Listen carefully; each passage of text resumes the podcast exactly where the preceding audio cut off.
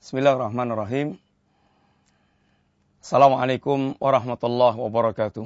Innal hamdalillah wassalatu wassalamu ala Rasulillah wa ala alihi wa ashabihi wa mawalah wala haula wala quwata illa billah amma ba'd. Para pemirsa yang rahmati Allah Subhanahu wa taala, kita kembali berjumpa dalam kajian silsilah akidah, akidah Ahlussunnah wal Jamaah dan kita masuk pada pembahasan Nawaqidul Islam dan kita melanjutkan pada pembahasan ini An-Naqid Al-Khamis, pembatal Islam yang kelima. Yaitu man abghadha syai'an mimma ja'a bi ar-Rasul sallallahu alaihi wasallam wa la amila bi. Barang siapa yang dia membenci sebagian apa yang dibawa Rasulullah sallallahu alaihi wasallam walaupun dia mengamalkan perbuatan tersebut. Maka kebencian ini membatalkan keislaman dia. Perlu kita kembali tegaskan bahwa keimanan itu identik dengan kecintaan. Dan itu satu di antara syurutu la ilaha illallah sebagaimana yang telah kita bahas.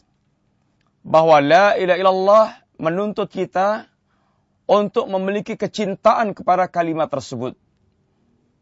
Kecintaan terhadap Allah, kecintaan kepada Rasulnya, kecintaan kepada syariat yang diturunkan Allah, kecintaan kepada orang-orang yang mereka menghidupkan syariat agama Allah Subhanahu wa taala. Dan iman akan fitrah iman adalah seperti itu akan mengantarkan pemiliknya untuk dia mencintai dengan kecintaan yang tulus. Maka lihatlah bagaimana pemilihan para sahabat Nabi Rasulullah alaihi jami'an yang muncul dari kecintaan mereka. Bagaimana pembenaran mereka kepada syariat agama ini yang muncul dari keimanan mereka dan kecintaan mereka. Bagaimana mereka rela berhijrah dari Mekah ke Madinah disebabkan dari tuntutan keimanan mereka dan bahkan Allah Subhanahu wa taala menjadi bersumpah dengan sumpah yang besar. Jadi sumpah atas nama diri Allah Subhanahu wa taala. Bahwa orang yang mereka hatinya tidak tunduk dengan syariat yang diajarkan Allah. Tidak sanggup dia bertahkim berhukum dengan syariat yang diajarkan Allah yang dibawa Rasulullah sallallahu alaihi wasallam maka mereka sungguhnya bukan kaum mukminin. Fala wa rabbik la yu'minuna hatta yuhaqqimuka fima shajara bainahum.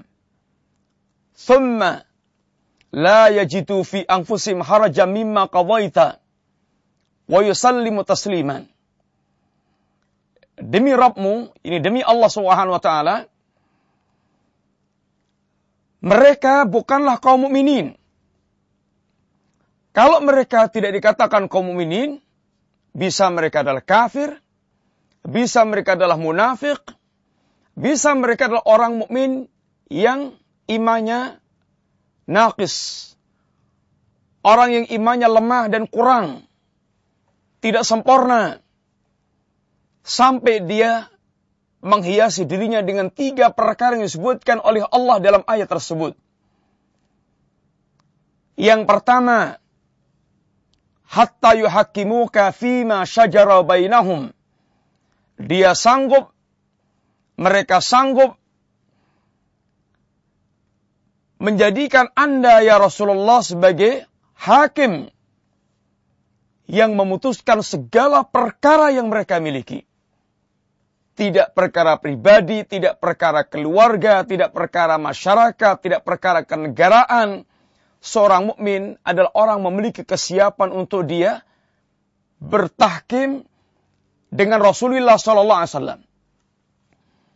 Yang kedua, apabila dia telah mendapatkan keputusan, maka tidak ada sempit dada, tidak ada protes. Dia akan terima. Maka dikatakan yang kedua adalah wala tajidu fi anfusim harajam mimma qadaita. tidak Anda dapatkan dalam hati mereka perasaan haraj, perasaan berat, sikap protes dari apa yang kau putuskan.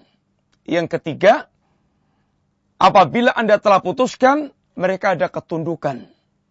Sikap taslim. Wa yusallimu tasliman. Inilah orang mukmin yang sejati. Maka apabila seorang dia mengatakan mukmin dan tidak seperti ini, sesungguhnya sangat diragukan besar. Dan telah kita sebutkan bahwa tidaklah membenci terhadap apa yang dibawa Rasulullah sallallahu alaihi wasallam. Yang dibawa Rasulullah yang pertama Al-Qur'an. Yang kedua As-Sunnah An-Nabawiyah. Al-Quran. Karena Rasulullah memang diwahyukan Allah kepada beliau Al-Quranul Kirim. Dan As-Sunnah semisal dengan Al-Quran. Wa ma'utituhu. Wa ma'utitu. Dan aku diberikan Allah Subhanahu wa taala wa ma'utitul kitab wa mislau ma'ah. Aku diberikan Allah Al-Quran dan yang semisal dengan Al-Quran yaitu As-Sunnah dan dua-duanya merupakan wahyu dari Allah Subhanahu wa taala. Sehingga Allah katakan wama yantiqu anil hawa in huwa illa wahyun yuha. Dan tidaklah membenci apa yang dibawa Rasulullah SAW, Rasulullah SAW tersebut kecuali yang pertama orang kafir sebagaimana telah kita sebutkan. Dan yang kedua orang munafik yang nyata kenifaknya sehingga ketika mereka orang munafik diseru diajak kepada Allah Subhanahu wa taala dan Rasulnya sallallahu alaihi wasallam. Wa idza qila lahum ta'ala fa idza qila lahum ta'ala ila ma anzalallah. Apabila diseru kepada orang-orang munafik ini mari kita menuju kepada apa yang diturunkan Allah. Ini mari kita bersama-sama mewujudkan mengamalkan apa yang diturunkan Allah Subhanahu wa taala. Anda akan lihat bagaimana kata Allah, ra'aital munafikina yasudduna anka sududa. Orang-orang munafik dia akan mengadakan gerakan nyata untuk menghalangi ajakan mengikuti apa yang Allah turunkan dengan cara sekuat-kuatnya. Dan ini karakter munafik dari zaman dahulu kala sampai pada zaman kita sekarang ini. Setiap diajak menuju kepada apa yang Allah turunkan kepada agama Allah Subhanahu wa taala, maka Anda lihat orang munafik paling getolnya untuk dia itu menghalangi manusia dari jalan Allah Subhanahu wa taala. Para pemirsa yang dirahmati Allah Subhanahu wa taala. Sesungguhnya di zaman kita ini kita melihat ada orang-orang yang mereka menyatakan dirinya muslimin. Akan tapi sangat aneh. Mereka mensikapi sunnah yang diajarkan Nabi. Mensikapi hadis yang diajarkan Nabi. Mensikapi apa yang dibawa oleh Rasulullah Wasallam dengan sikap-sikap yang tidak wajar, yang hanya dimiliki sikap ini orang kafir dan orang munafik. Sebagian mereka menolak Al-Quran, menolak As-Sunnah dengan penolakan yang total. Itulah yang dikenal dengan ingkar sunnah. Dan ini termasuk bagian orang-orang yang mereka membenci sunnah Rasulullah Sallallahu Alaihi Wasallam. Di antara mereka pula, di antara sebagian muslimin, ada yang mereka menolak as-sunnah ini apa yang mereka katakan dengan tidak menerima hadis-hadis ahad sebagai akidah. Dan tentu subhanallah, ini keyakinan baru yang tidak pernah ada. Bagaimana sesuatu yang jelas dari Nabi Sallallahu Alaihi Wasallam kemudian mereka tolak dengan alasan yaitu hati-hati menetapkan perkara akidah tidak boleh dengan hadis ahad karena sifatnya dhani maka ini tidak pernah ada sama sekali dari para salaf kita dan merupakan keyakinan baru dan tidak mungkin mereka terapkan pada kehidupan mereka pula. Akan tapi sangat anehnya, ketika mereka menolak hadis ahad yang jelas-jelas sahih dari Nabi Sallallahu Alaihi Wasallam, mereka menetapkan akidah mereka dengan filsafat. Mereka tetapkan akidah mereka dengan filsafat. Sehingga sadar atau tidak dia telah mengangkat akal mereka di atas wahyu yang diturunkan oleh Allah Subhanahu wa taala.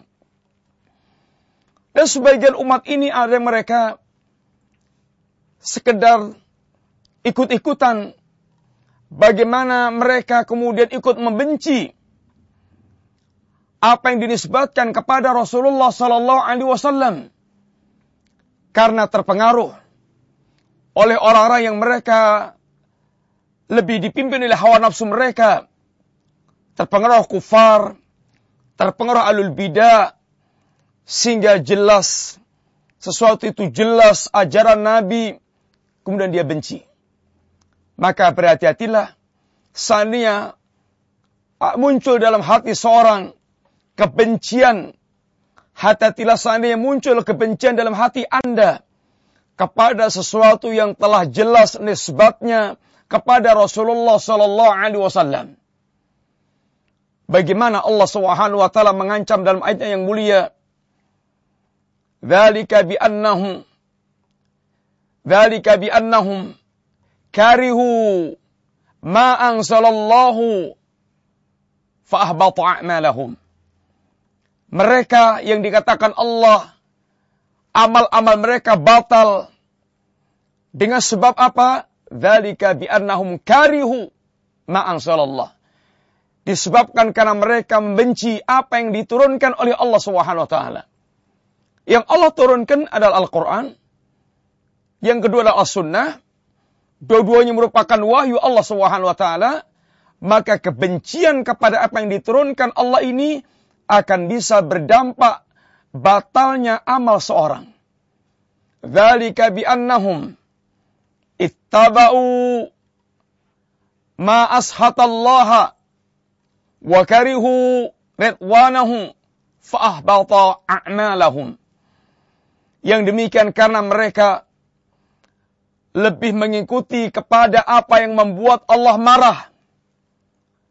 Yang membuat Allah marah banyak. Kekafiran membuat Allah marah. Kesyirikan membuat Allah marah. Kemunafikan membuat Allah marah. Dan berbagai macam kedurakan-kedurakan yang membuat Allah marah durhaka.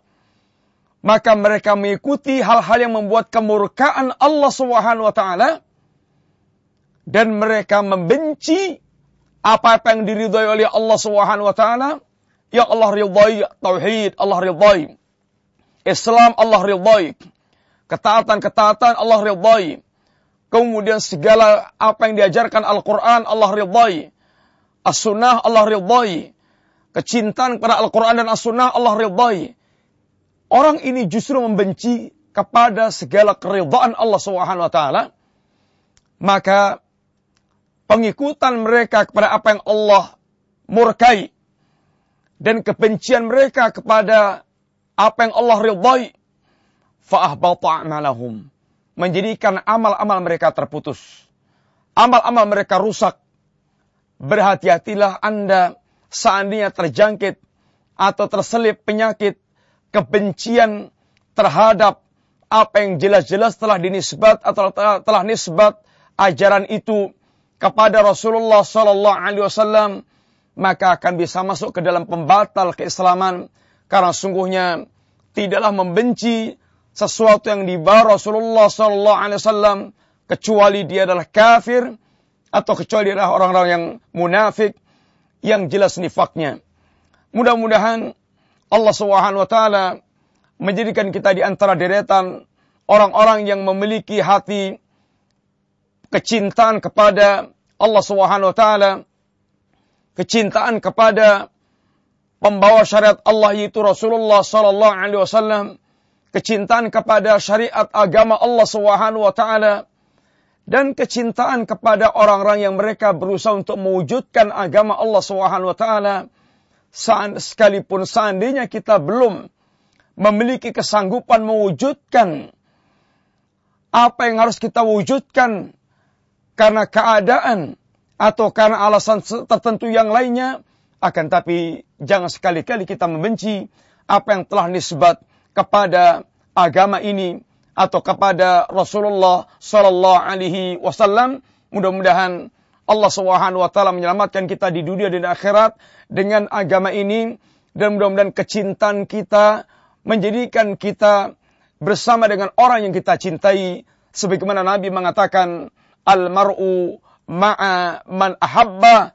Orang itu akan bersama dengan orang yang dia cintai dan mudah-mudahan dengan kecintaan kita pun Allah menggolongkan kita kepada mereka sekalipun kita belum bisa beramal seperti amal yang telah ditunaikan oleh mereka-mereka yang betul-betul telah mewujudkannya. Mudah-mudahan manfaat. Wassallallahu ala nabiyyina Muhammadin wa ala alihi wa wasallam. Assalamualaikum warahmatullahi wabarakatuh.